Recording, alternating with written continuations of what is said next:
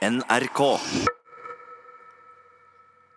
Velkommen til Litteraturhuset i Trondheim og debatt i NRK P2.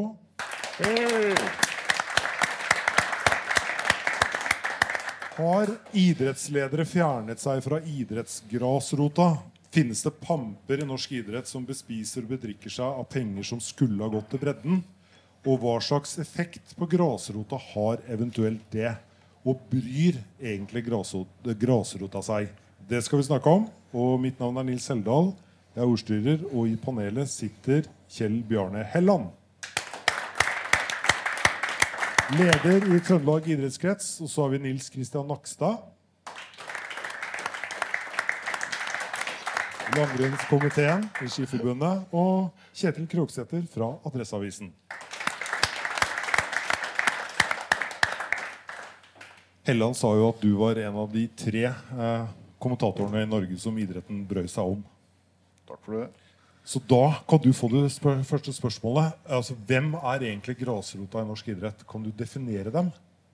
Ja, eh, det kan jeg prøve å gjøre. Eh, det er, I mitt hode så er det dem som eh, springer rundt og selger lodd. Eh, selger pepperkaker kanskje på denne tida av året. Som, som steker vafler i klubbhuset. Eh, som bidrar til inntekten. De som kjører løypemaskin, så vi har trykkeskinner i lysløypa. Det er de som står ute i regn og vind og sørger for at eh, ungene får aktivitetstilbud. og prøver å være trenere, enten de er godt nok skolert for det eller ikke. Det er alle dem som jobber gratis for å holde det her enorme hjulet i gang. Det er mange, og de er snille. De er snille, og jeg leste et sted at det det er ca. 2,1 millioner. Kan det stemme, Ella? Det er 2,1 million medlemskap i norsk idrett. Det er korrekt. Men Det er en stor plen av grasrøtter. Det er det, men Hvis jeg kan få tilføye da, Ut ifra den oppsummeringa som Kjetil sa, da, så er det jo nesten ingen som ikke er grasrota i norsk idrett. Ut ifra den definisjonen til Kjetil. og Men kanskje bortsett fra deg, du er jo eh, høyt på strå. Eh, hva er en idrettspamp? Kan du definere det? Det har vi hørt ganske mye og lest mye om i det siste. Ja, Det er et godt spørsmål. Jeg lurte på det sjøl òg. Eh, hva en idrettspamp er, og hva definisjonen av det er. Og det er jo egentlig et begrep jeg generelt liker dårlig, for at det stempler noen folk som jeg syns ikke fortjener det. For i pamp til meg så er det misbruk av makt. Det er rett og slett misbruk eh, det dreier seg om. og det jeg, det er sånn som du sier, Jeg sjøl blitt omtalt som en pamp av eh, noen politikere i denne byen og stilte meg spørsmål til ja, hva er det når jeg er uenig med deg, og er jeg din beste venn når jeg er enig med deg.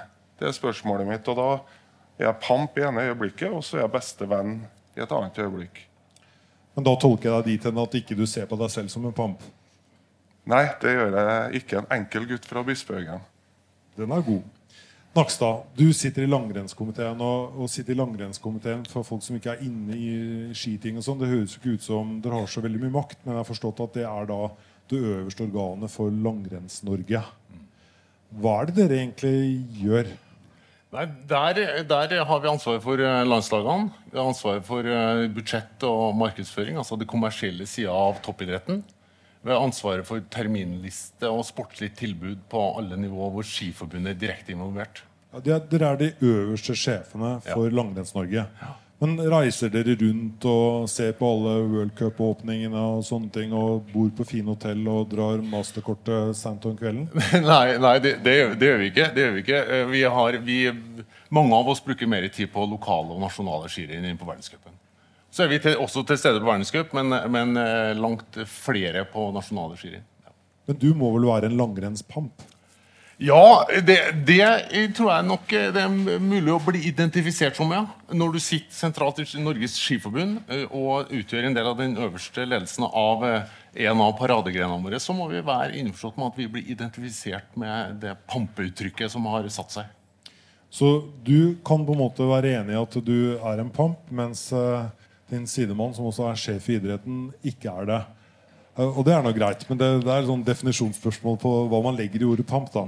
Men hvis jeg nå bare siterer fra en leder i Dagbladet, det er ganske nylig Eh, Jeg siterer 'Gjennomgangen av 16 000 bilag fortell på 1100 reiseregninger avslører en råtten holdning og elendig vurderingsevne hos den styrende klasse i NIF.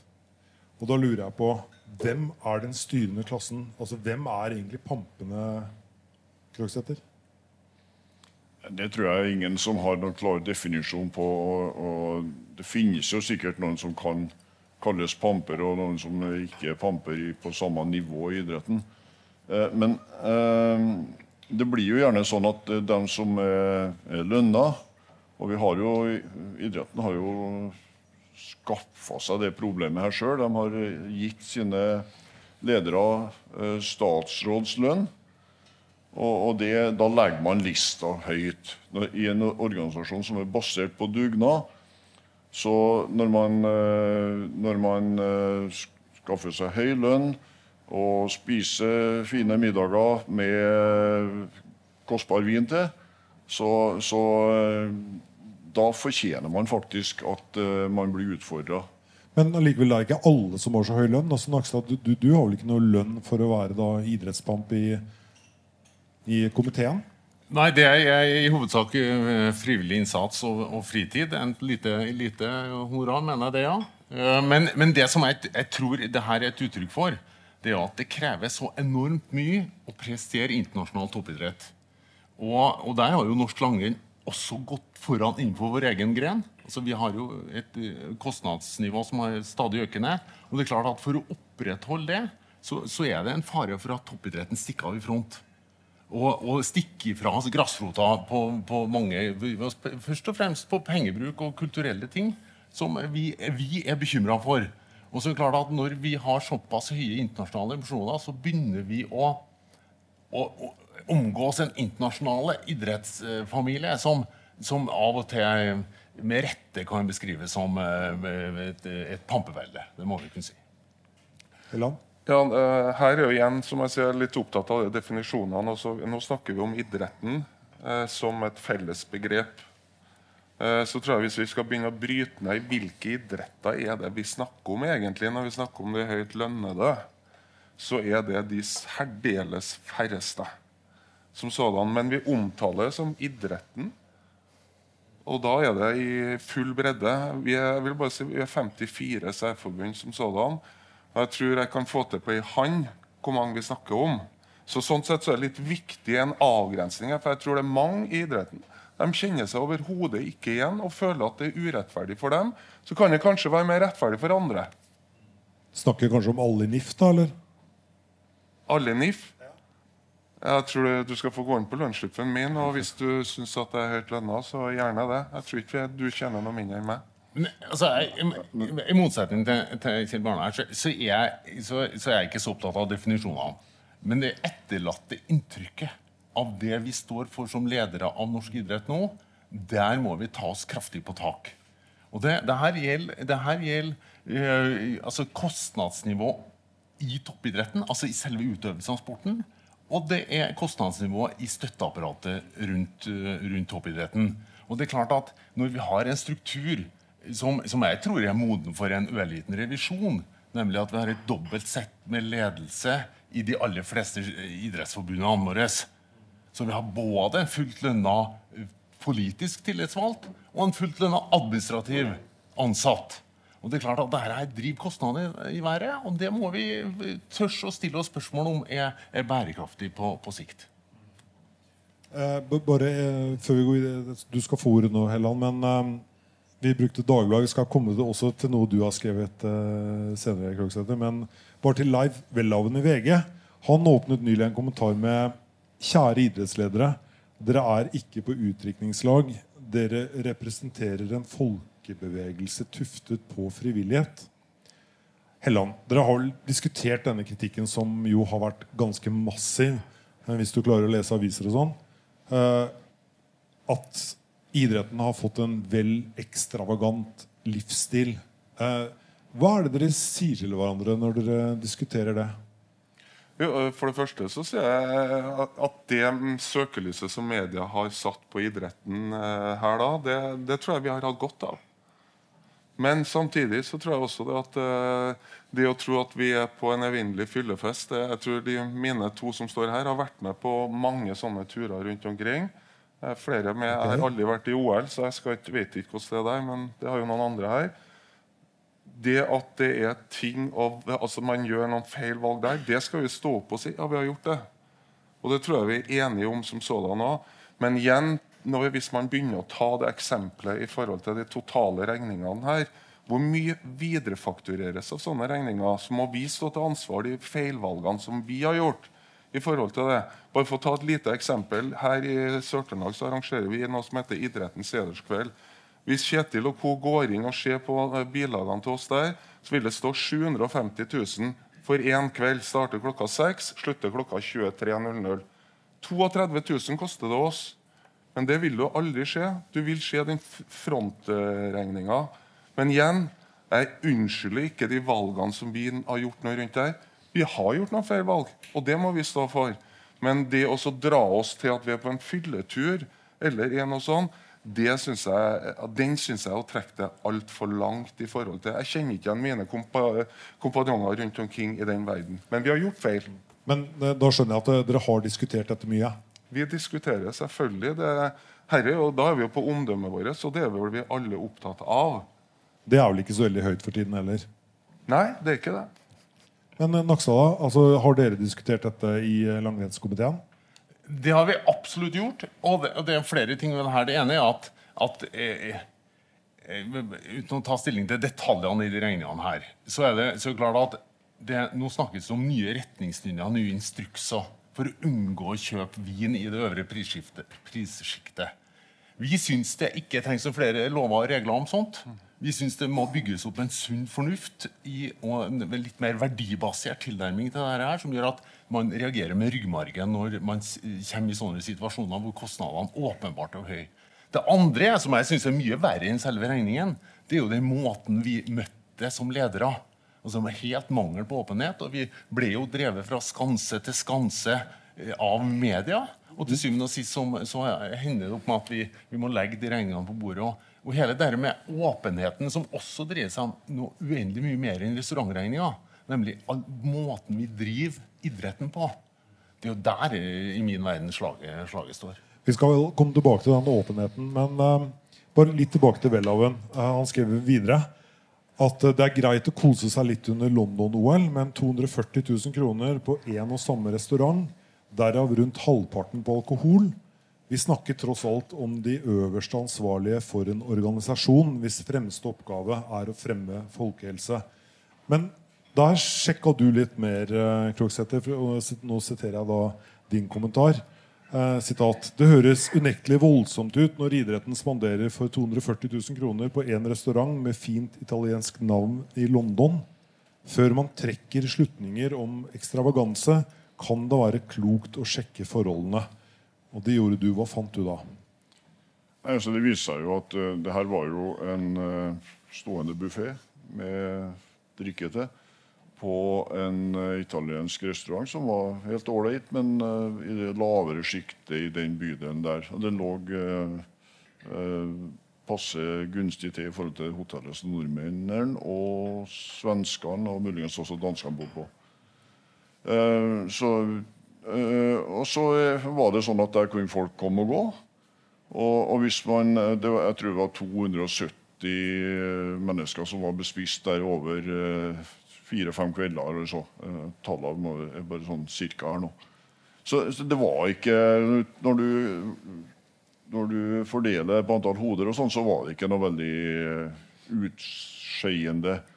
Og så var det vel sånn der også at noe ble fakturert tilbake. Og så tenker jeg, Nå høres det jo litt rart ut at jeg fra media står og forsvarer det, men, jeg tenker så at uh, det er jo ikke så, så, så merkelig at uh, de som har gjester, spanderer og prøver å, å, få det til å fungere ålreit. Og de man spanderer på her, da, det er jo da regjeringsmedlemmer, det er sponsorer. Det er noen av idrettens eh, ledere, og det er sikkert noen andre. Så med følge osv. Og det, Sånn gjør jo vi sjøl når vi er hjemme. Vi, vi koster på litt ekstra.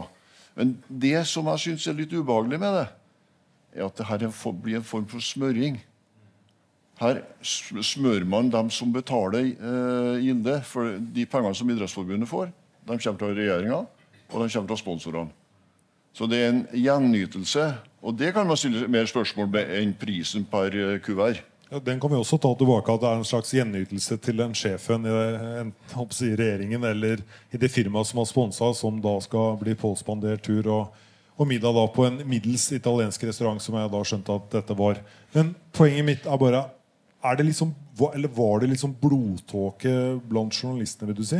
Altså, det ble jo slått veldig hardt opp, og du var en av de få som sa at hør nå her, det her er da ikke så ille. Ja, men det, det, det, blir jo gjerne det. Og her syns jeg idretten har seg sjøl å skylde. Satt man og tviholdt på de reiseregningene i år etter år, og det var en kamp for å få dem ut. Og, nei, alle unntatt dem som uh, satt i idrettsstyret, og de fleste av dem skjønte jo det samme som oss, at det her kommer opp for en dag. Det, det kommer fram. Det må fram. Sånn er det nesten alltid. Og, og derfor så Når man skaper et inntrykk av at noe man vil skjule og hemmeligholde, så blir det så mye verre når, det, når media endelig får det fram. Og, og da, da, trekker man jo opp det, de verste eksemplene man finner.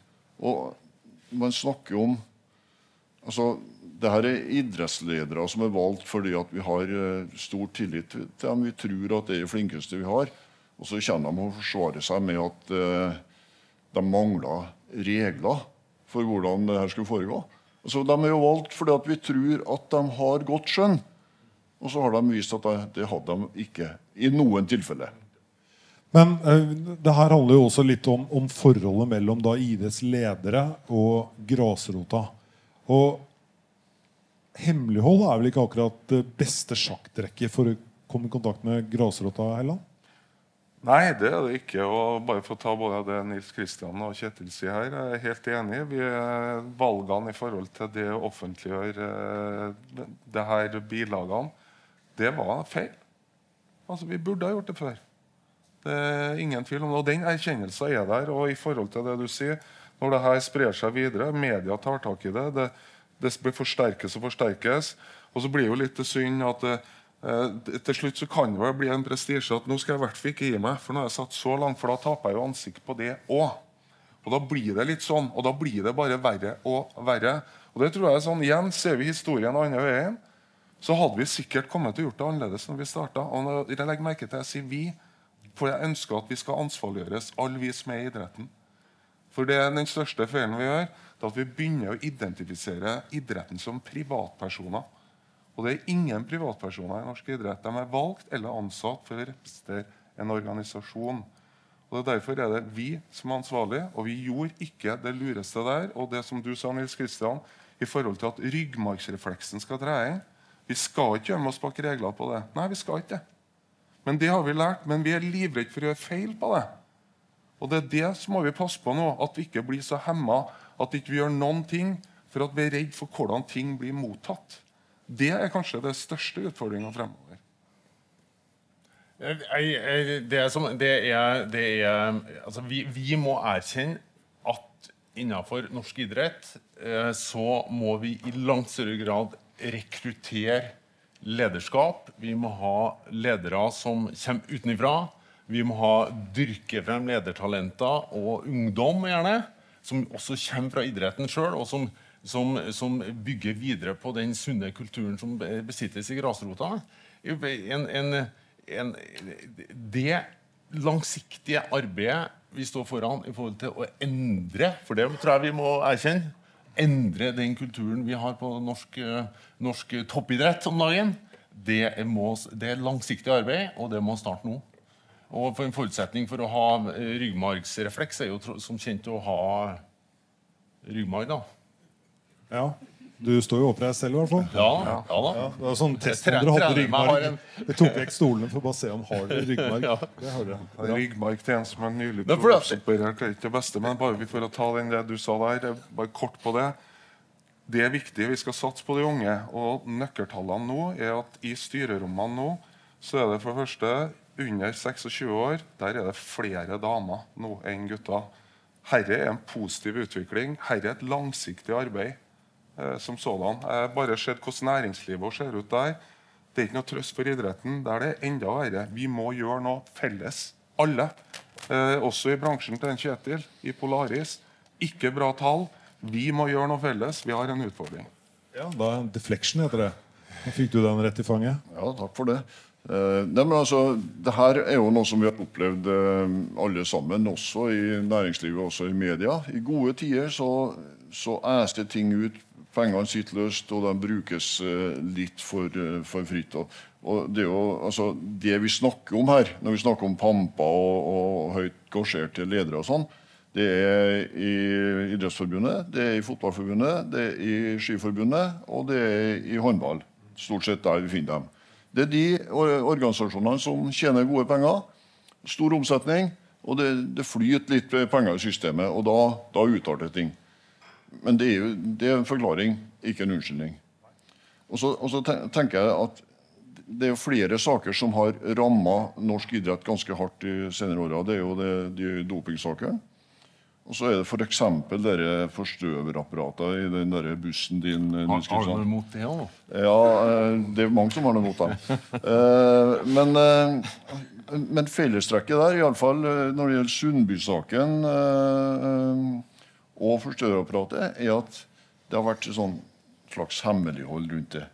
Eh, Man valgte å ikke være åpen og fortelle om det. Og da blir det et sjokk når det kommer ut. Og Vi i media har vært invitert inn i den smørebussen mange ganger. vi. Og de fortalte oss om alle de andre midlene de bruker, men forstøverapparat hørte vi aldri om. Jeg har hørt at han, eh, Lederen i komiteen din han hørte, visste heller ikke om det.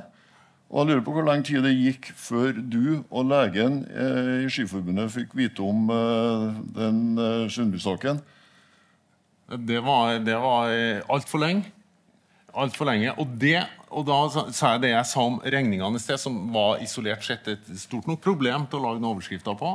Men det grunnleggende problemet vårt er spørsmål om åpenhet og tillit. Og, og det er klart at alle de tre sakene her, eller alle de sakene vi hadde i norsk langrenn i fjor, bar jo preg av Det her kom for dagen på en sånn måte at det bar preg av et lukka system. Og det som er min største bekymring, og det har vi snakka mye om i langrenn nå, det er jo selvfølgelig at hvis det er sånn at vi drev avansert forskning på luftveier i høyden og i kulden, og så har vi valgt å ikke dele det med Ski-Norge Altså Det er mange tusen langrennsløpere som plages med det samme. Vi sitter på kunnskap sentralt som alle burde ha fått ta del i. Ja, Det må jo være det- veldig mange skiløpere i Norge som plages av det. For vi har jo medfødt høye blodverdier og astma hele gjengen. Fra fødselen av. Åpenbart. ja.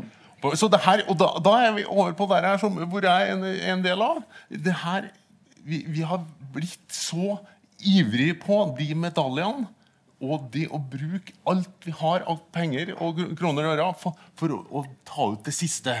Og det er klart at da nærmer det ikke, det, det, Vi har jo fått granska oss sjøl. Vi, vi har ikke gjort noe ulovlig. Men vi har vært i den sonen hvor det er etisk problematisk å være uten at du er fullstendig åpen. Det er det, det er vi har blitt eh, tatt på i det siste. Men da høres det ut som at vi er egentlig enige om at det største problemet eh, til idretten har vært mangelen på åpenhet. Og at den mangelen eh, har på en måte fått en slags payback, da, kanskje i og med at eh, regningene ble Altså det blir større overskrifter der enn det hadde vært hvis det hadde vært tidligere åpenhet. Og da lurer jeg på Elam, altså, Har dere snakket om det? det? Det må jo ha vært ganske fælt å sitte der du sitter òg. Og, og liksom, du er en del av noe som er lukket, og så ønsker du kanskje selv at det skal være mer åpent? Kan du være åpen om det? Eh, For det første, jeg opplever ikke at vi har eh, noe lukka, hvert fall dørene hos oss. Jeg inviterer media i, til å se på oss, betrakte oss, komme med kritiske innvendinger så ofte som mulig. Og det har vi gjort, og det kommer jeg til å gjøre videre. Men det er klart at vi diskuterer det med åpenhet. Selvfølgelig gjør vi det. Og det eh, vi opplever, vi, vi tror jo sjøl at vi er mer åpne, men det som jeg sier, det er at hvis det oppleves annerledes, så må jo vi være tydelige på det. Og her har vi gjort, som jeg sa, noen feilvurderinger. Eh, jeg kjenner ikke så godt det som går innenfor ski, men jeg leste det fra utsida. Så det, ja, det er hemmelig. Men eh, så lenge at behovet etter informasjon er større ut der enn det vi greier å gi, så bør vi tenke på det. I, i forhold til det også gi hva vi kan. For vi, vi har jo ikke noe skjul. Og hvis vi har noe skjul, så, så, si, så må vi komme med det da òg, for det på en, en eller annen dag så kommer det. Og Det er en lærdom som vi har tatt, og det hører jeg fra mine kollegaer også som sitter uh, høyere i den organisasjonen enn meg. Så må jeg bare ta det siste i forhold til det. I idretten så jobber vi ofte internasjonalt, og da er det veldig hierarkisk tenkning. Det tror jeg vi i Norge skal begynne å tenke litt annerledes på. Altså President møter president. Du sender ikke visepresidenten din hvis du skal internasjonalt. Skal vi påvirke internasjonalt, så må vi begynne å vise at ja, i Norge gjør vi det sånn. Og da kanskje får vi gjort noe med FIS og en type ting hvor uh, ikke er flust med damer. da. Jeg tror ikke de er noe spesielt dummere enn oss menn. I hvert fall ikke dummere enn meg. Ja, men, uh, Kjell Bjørne har jo et godt poeng her. Altså, det er jo ikke sånn at all idrett, uh, alle organisasjoner i Idretts-Norge er lukka. og, og, sånn, og, Mange ber jo om åpenhet. Men de vanskelige sakene her de har uh, blitt mye verre fordi at det har mangla åpenhet. Og så har det Det syns jeg er et poeng som jeg, jeg, må få lov til å bruke litt tid på her nå. Altså, Det har utvikla seg pga. De, de vinflaskene og de middagene og de lønningene som er, så hadde det, blitt et bilde av vi og dem. Det er vi inne i borgen, eller vi som er kongene på haugen, og så er det dem som er utafor, og som jobber livskytende av seg for å få ting til å gå rundt. Og så sitter noen på toppen der og, og liksom bare forsyner seg av godene. Det er det inntrykket som er skapt. Og det, det er urettferdig for dem som er der på toppen. for mange av dem tror jeg sikkert jobber steinhardt. og det er ikke noe det, det, er ikke noe, noe sånn eh, særlig høy pampefaktor eh, over noen av dem. Og noen er, syns jeg, urettferdig hardt dømt eh, både av oss i media og i opinionen. Og da refererer jeg til hva vi kan lese i kommentarfeltene, der eh, folk eh, blir fratatt enhver ære.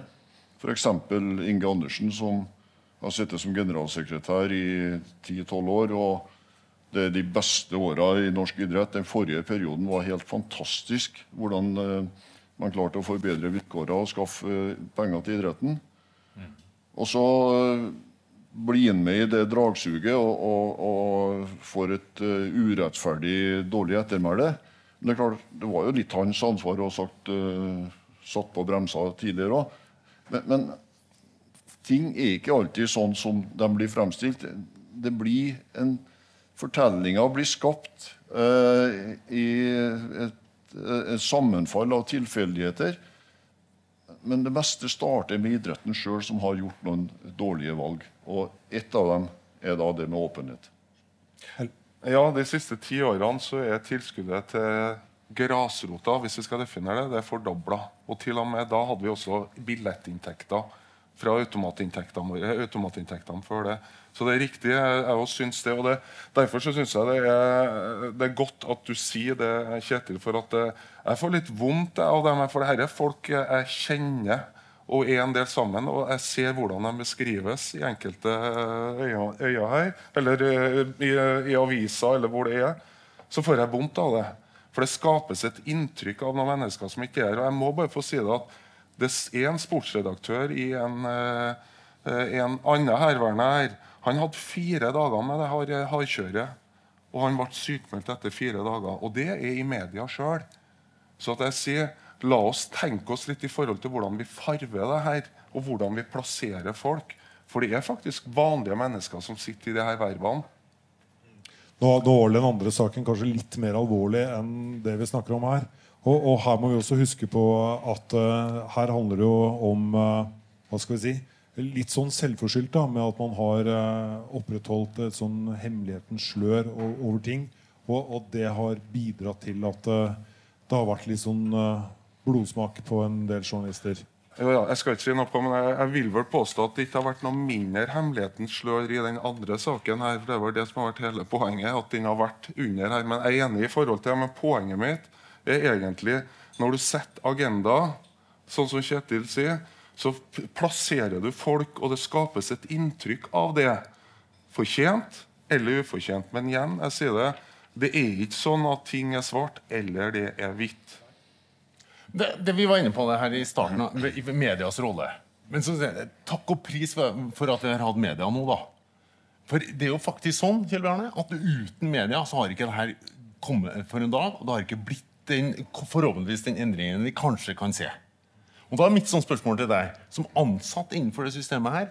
Når du så manglende åpenhet som et problem, hva gjorde du under den reisen i forhold til dine egne arbeidsgivere for å sette fingeren på det du følte da, fra grasrota? Det andre er jo at vi er jo tillitsvalgte på klubbnivå, på kretsnivå. Det er jo vi som velger de menneskene her hele tida. Og det er hvert andre år, tror jeg. Fjerde. Fjerde, ja, til og med. Så, så, så lever i, altså, vi lever jo i fred i fire år, og så blir vi valgt på nytt. Og det, og det er klart at hele den prosessen, Hvor krevende er vi innifra? Når vi nå trenger media til å hjelpe oss ut av dette. Ja, du mener at eh, idretten er for lite krevende ja. innenfra? Ja, det kan jo være håpet at uh, både ansatte og andre av oss uh, tillitsvalgte noe ordentlig vi, vi, utfordrer vårt eget lederskap, og oss sjøl, da.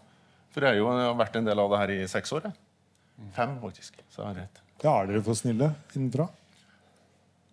Vi har høyt, jeg skulle si det, høyt under taket. Vi diskuterer høylytt. Vi har stor åpenhet i forhold til at det er lov til å si hva man mener eh, hos oss.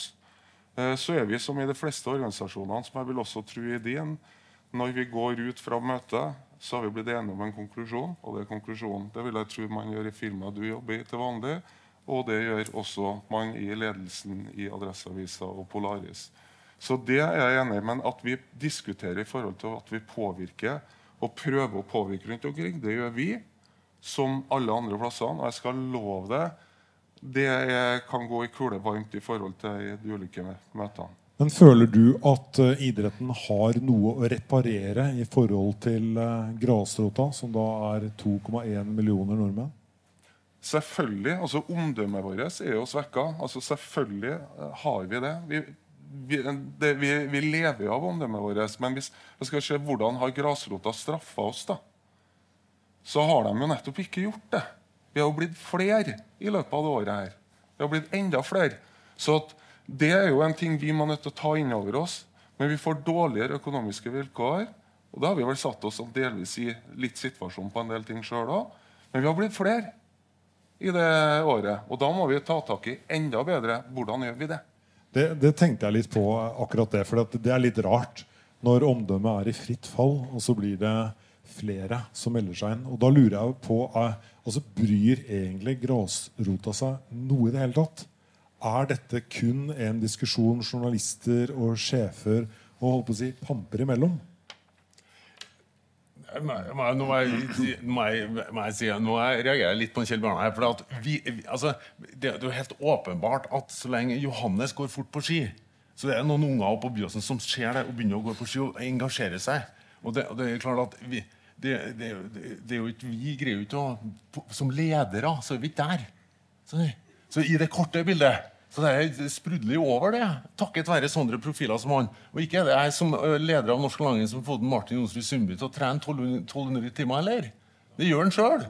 Så, så, så, derfor så er det sånn Men vi gjør lang, lang, hvis vi ikke tar oss sammen nå og sørger for å bygge bro mellom den frivilligheten og den sentrale delen av idretten, så gjør vi det langtidsskader. Det er det som er problemet. Kedil? Ja, men det, det, er jo det vi ser hele tida, at uh, ungene vil jo være med i idrett, og de får jo være med i idrett. Det er ingen som nekter dem det. og de, de Tallene deres eh, øker jo, men, men uh, problemet er jo at de slutter tidligere. Og det verste problemet er jo hvis foreldre begynner å gå lei for å gjøre den dugnadsjobben. Og det blir ikke noe lettere med åra, har vi inntrykk av. Og da har man et problem. Og idretten er avhengig av tillit. Og jeg tenker også at hemmelighold og sånn, det er tillitens verste fiende. Man må, man, man må øh, være åpen og inkluderende, i hvert fall i øh, en frivillig bevegelse som idretten. Og man må også unngå å skape det derre voldsomme klasseskillet som, nå, som nå har blitt avslørt, og som jeg tror virker som en øh, Uh, som en rød klut. Og Hvis du leser uh, kommentarfeltene rundt sånne saker som er skrevet i avisene om, uh, om ekstravagansen, om vi skal kalle det, så ser du raseriet. Det er ikke vanskelig å få øye på det. Men det, det her kan være litt farlig for idretten. For nettopp hvis man ser seg blind på medlemstallene og at de øker, så tar man ikke og gjør den jobben som man kanskje mener man må gjøre når det gjelder å reparere forholdet til grasrota og prøve å få omdømmet opp. Nei, og det var jo det i forhold til eh, Enten så var jeg utydelig, eller Nils Kristian misforstår meg. Jeg kan velge at det er som er utydelig. Eh, det, var, det, er jo at vi ikke tar det her på alvor som sådan. Altså nå, Johannes, det her var det 2016-tall, det er ikke årets tall. Men herre, klart herre er langsiktig i forhold til Selvfølgelig så tar vi dette her på alvor. Vi måler jo ikke sånn år for år som sådan i forhold til det. Men jeg tror igjen bare det at grasrota, hvor opptatt de er av det Om de ikke er det, så er ikke det det viktigste. Vi skal være opptatt av det. Så får effekten komme til grasrota. Altså, vi, vi, norsk idrett, norsk organisert idrett står foran noen sånne kjempestore utfordringer. Ja, det, det, skjer en polarisering av velstand, det skjer en mangfold. Som, og vi ser at anlegg koster så mye at det ikke er opp til dugnad å bygge det lenger. Det, det, er, og det, det, burde ha vært innovasjon i ulike idrettsformer, ulike, ja, ulike skiformer for den del. I mellomtida så bruker vi som ledere vår, all vår kapasitet på å jobbe med omdømme og toppidretten. Så å rette opp feilene vi har gjort. Og det er, Nå har det gått flere år hvor vi har vært opptatt av det, framfor å drive brobygging mot dem som virkelig skaper det mangfoldet som vi er avhengig av. Det er utfordringa. Og denne økende medlemstallet det kommer til å svinge litt. Og det ikke, den kommersielle delen, den ikke-organiserte delen, det vil jeg påstå, den, den, det står klar til å overta store, stort antall av de idrettsutøverne vi har. Eh, hvis vi bare snakker litt om penger før vi skal sjekke om det er noen som har noen spørsmål. Da kan vi godt markere det ved et nod eller eh, et tegn. eller noe sånt. Nå. Oi, det er 25 stykker som vil spørre. Det her blir en lang kveld. Um, spillemidlene for 2018. altså Helleland gjør jo nye kutt i støtten til NIF-toppene. Uh, Kulturdepartementet gir idretten mer penger enn noen gang i 2018, men tilskuddet til Norges idrettsforbund sentralledd kuttes for andre, andre år på rad. Uh, straffer, hun straffer NIF, følger det? Ja. Det nok Linda. Ja, Men hvorfor gjør hun det? Ja, Det kan man jo spekulere i. Altså, det, det, er klart at det er en, det er en politisk veldig god sak å, og leke Robin Hood. og ta fra de rike og gi til de, de fattige. For det å si at hun tar fra ledelsen i Idrettsforbundet og gir til grasrota og organisert idrett osv. Det, det, det er politisk gevinst å, å tjene på det. Og så har hun nok uh, sett at uh, det har esa ut med folk i kontorer på diverse særforbund på Ullevål stadion, og kanskje også i Idrettsforbundet, selv om jeg ikke tror at NIF sentralt er det verste. Særforbundene kuttes ikke. Nei, men hun, det er en advarsel. Hun, hun, går inn på ett område, ikke sant? og så kan det hende at uh, det er noen som kan begynne sjøl. Men det er også et annet motiv her som uh, kan tenkes å, å, spille inn. Og det er vi det er vel kjent med at det er isfront mellom idrettspresidenten og kulturministeren.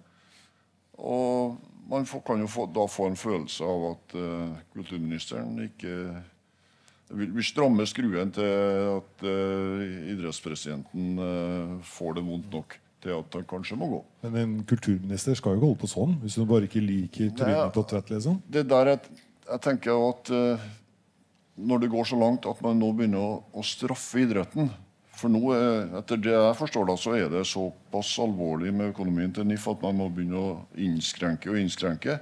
Og da er man kanskje ikke i stand til å yte de idretten de tjenestene man skal. Og da går det for langt. Det er derfor jeg sier at nå, Linda, syns jeg er nok. Så det er et tak på hvor mye penger man kan gi til grasrota? Nei, det, det er et uh, tak på hvor mye penger NIF må ha for å drive butikken skikkelig. For NIF skal jo legge til rette og tjene de særforbundene, og for så vidt også da hele systemet. Det er overbygningen. Det er jo, det er jo der eh, eh, mye av det viktige arbeidet foregår. Og dere kan, som sitter nedover i systemet, kan jo sikkert si mer om hvordan det fungerer. Jo da, og det, det er klart det, det, kuttes kraftig nå. Jeg tror er 15 stillinger og sånt som går sentralt. og det samme skjedde jo Av hvor mange? Av eh, Et par hundre? Ja, par hundre på Ullevål, tror jeg. Eh, totalt og med IT. Eh, men det er likevel eh, en stor andel i forhold til det. Og det samme skjedde i 2004. Da begynte man etterpå å bygge opp idretten på nytt igjen. Og det er i den samme perioden når man begynte, og det tror jeg bare er en erkjennelse altså, Og det er ute i klubbene. Det. Du må ha en viss administrasjon for å få til noe. Hvorfor er det at idretten er dem som henter mest ut av momskompensasjon? For eksempel? jo, det er for at vi har greid å utvikle systemer som er sånn at vi får til det. At vi jobber eh, godt innenfor det. Og det er jo klart at En viss administrasjon må vi ha. Hva riktig tall på kutt videre, det har jeg null forutsetning til å mene om. Men det å kutte bare for å kutte, det er krevende. Samtidig så er vi i en situasjon som jeg tror også vi skal ta med oss også i idretten. i forhold til det Begrepet digitalisering det er jo et veldig poppis-ord. Det er ikke så mange som greier å forklare det. Eh, for det brukes jo på absolutt alt. Det er en ting som også vi i idretten må ta litt inn over oss. og det er forstått det er heller ikke gratis. Så det er noen investeringer som vi må nødt til å ta inn over oss, eh, vi også. Men herre skal vi jo spare penger på. Sier man. Sier man. Nakstad? Ja, jeg, jeg, nå, nå, brukes jo eh, jeg, ja, digitalisering. Jeg vi bare sier at det er et stort potensial i å forenkle drifta av norsk idrett. Så det bare så det, det 10-15 um, årsverkene ja, Det må du bare venne deg til. Det her kommer til å bli enda tøffere på ene sida, men mye enklere. Og gitt at de lykkes med IT-prosjektet sitt, for det kan vi jo håpe på snart, Sånn, ja, så blir det enklere å drive en klubb. For jeg tror det sitter noen frivillige kasserere her uh, i salen som har i hvert fall prøvd det og som opplever at det å drifte og forvalte en klubbhverdag på fritida, det er ikke nødvendigvis uh, Du gjør det av plikt, ikke nevneverdig stor glede. Så hvordan greier vi å bygge opp den systemet her, sånn at alt, mest mulig ressurser og tidsbruk går til grasrota og til, til aktivitet blant ungene? For det, og det haster. Da skal jeg bare svare opp det, for Jeg hadde en ordentlig jobb i mitt tidligere liv. Jeg òg. Jeg jobba i et finansselskap. og Da skal jeg bare ta det at i forhold til selskapet ditt og der du jobber, så har dere mye tydelige meldinger i forhold til hvordan du skal ha bestillinger innenfor IT. Utfordringa vår Vi har 54 interesser som skal inn der. Vi har 19 idrettskretser. Det å faktisk være tøff nok til å stå skreddersøm, det er knalldyrt. Der må vi komme ut av. Det er en løsning vi har, og det må ditt forbund akseptere. Det må andre forbund akseptere. Det er en måte vi registrerer oss inn for å ha oversikt over norsk idrett. Det må hvert enkelt særforbund og idrettskretser som sådan. Det må vi ta inn over oss. Skreddersøm er kostbart. Der jeg jobba før, i et finansselskap, var null aksept på det. Men det kan hende at å lufte ut i gangene er egentlig bra. Selvfølgelig. Ja. Og der Nakstad jobber, det er jo NHO, da, hvis det er noen som lurer på det. Ja, det, men han vet jo mye om det, da, forstår jeg. Så, så det, det, det, er altså et enormt potensial her. Og, det, det, og Hvor mye som kommer over statsbudsjettet på, på, fra, til idretten nå? 2,5 milliarder? Mm -hmm. 2,1-2,2. Ja, Det kan godt være at kulturministeren har, eh, kan, kan stoppe nå. Men, eh, men eh, når, du, når, du, sender 2,5 milliarder en plass, så må du jo kunne stille krav. Så jeg syns ikke, ikke, vi kan peke på noen andre enn oss sjøl. Sånn, for å begynne å runde av dette her Hvis vi bare tar en runde på hva slags råd kan man da egentlig gi da til de, de øverste lederne i Idretts-Norge for å reparere dette forholdet til grasroten, som alle egentlig er enige om uh, sliter litt? Hva slags råd har du, Krøgsæter? Jeg syns det er ganske enkelt. det. Snakk sant. Fei minst mulig under teppet. Måten som uh, NIF håndterte uh, reiseregningene på, og Skiforbundet håndterte astmasaken på, det er helt uh, Det er stryk. Og det omdømmefallet som de to organisasjonene har. Og det er viktig. Altså, det omdømmet dreier seg om ledelsen. Det dreier seg ikke om det sportslige. Sportslige utøverne har eh, fortsatt eh, like godt omdømme, men ledelsen på de, de to organisasjonene er hardt ramma. Så det er en selvforskyldt uh, situasjon man har kommet opp i, der man må hente inn uh, medierådgivere over en lav sko for å prøve å rette opp. Snakk sant med en gang. Et enkelt råd. Ja, det er, ja åpenhet, transparens i prosessene våre, full tilgjengelighet for media og andre. Og la oss håpe at den som overtar når Kroksæter blir pensjonist, er like fast i klypa som han har vært. Er det rett rundt hjørnet? Det er rett rundt hjørnet. Veldig nær. Okay. Da får du avslutte med ordet, da. Ja, og jeg er helt enig med dem som står sammen med meg her. Åpenhet. Men jeg har ikke opplevd at noen har lygget. da. Men de har ikke vært åpne. Så det, det må ikke skapes at noen har prøvd å lygge her, men de har ikke vært åpne. De har ikke kommet med det. De må være det. Og det skal vi være med istedenfor å sitte og vente, for vi mener at vi har gode grunner for det. Si det. Og det var siste ordet i denne debatten. Takk skal du ha.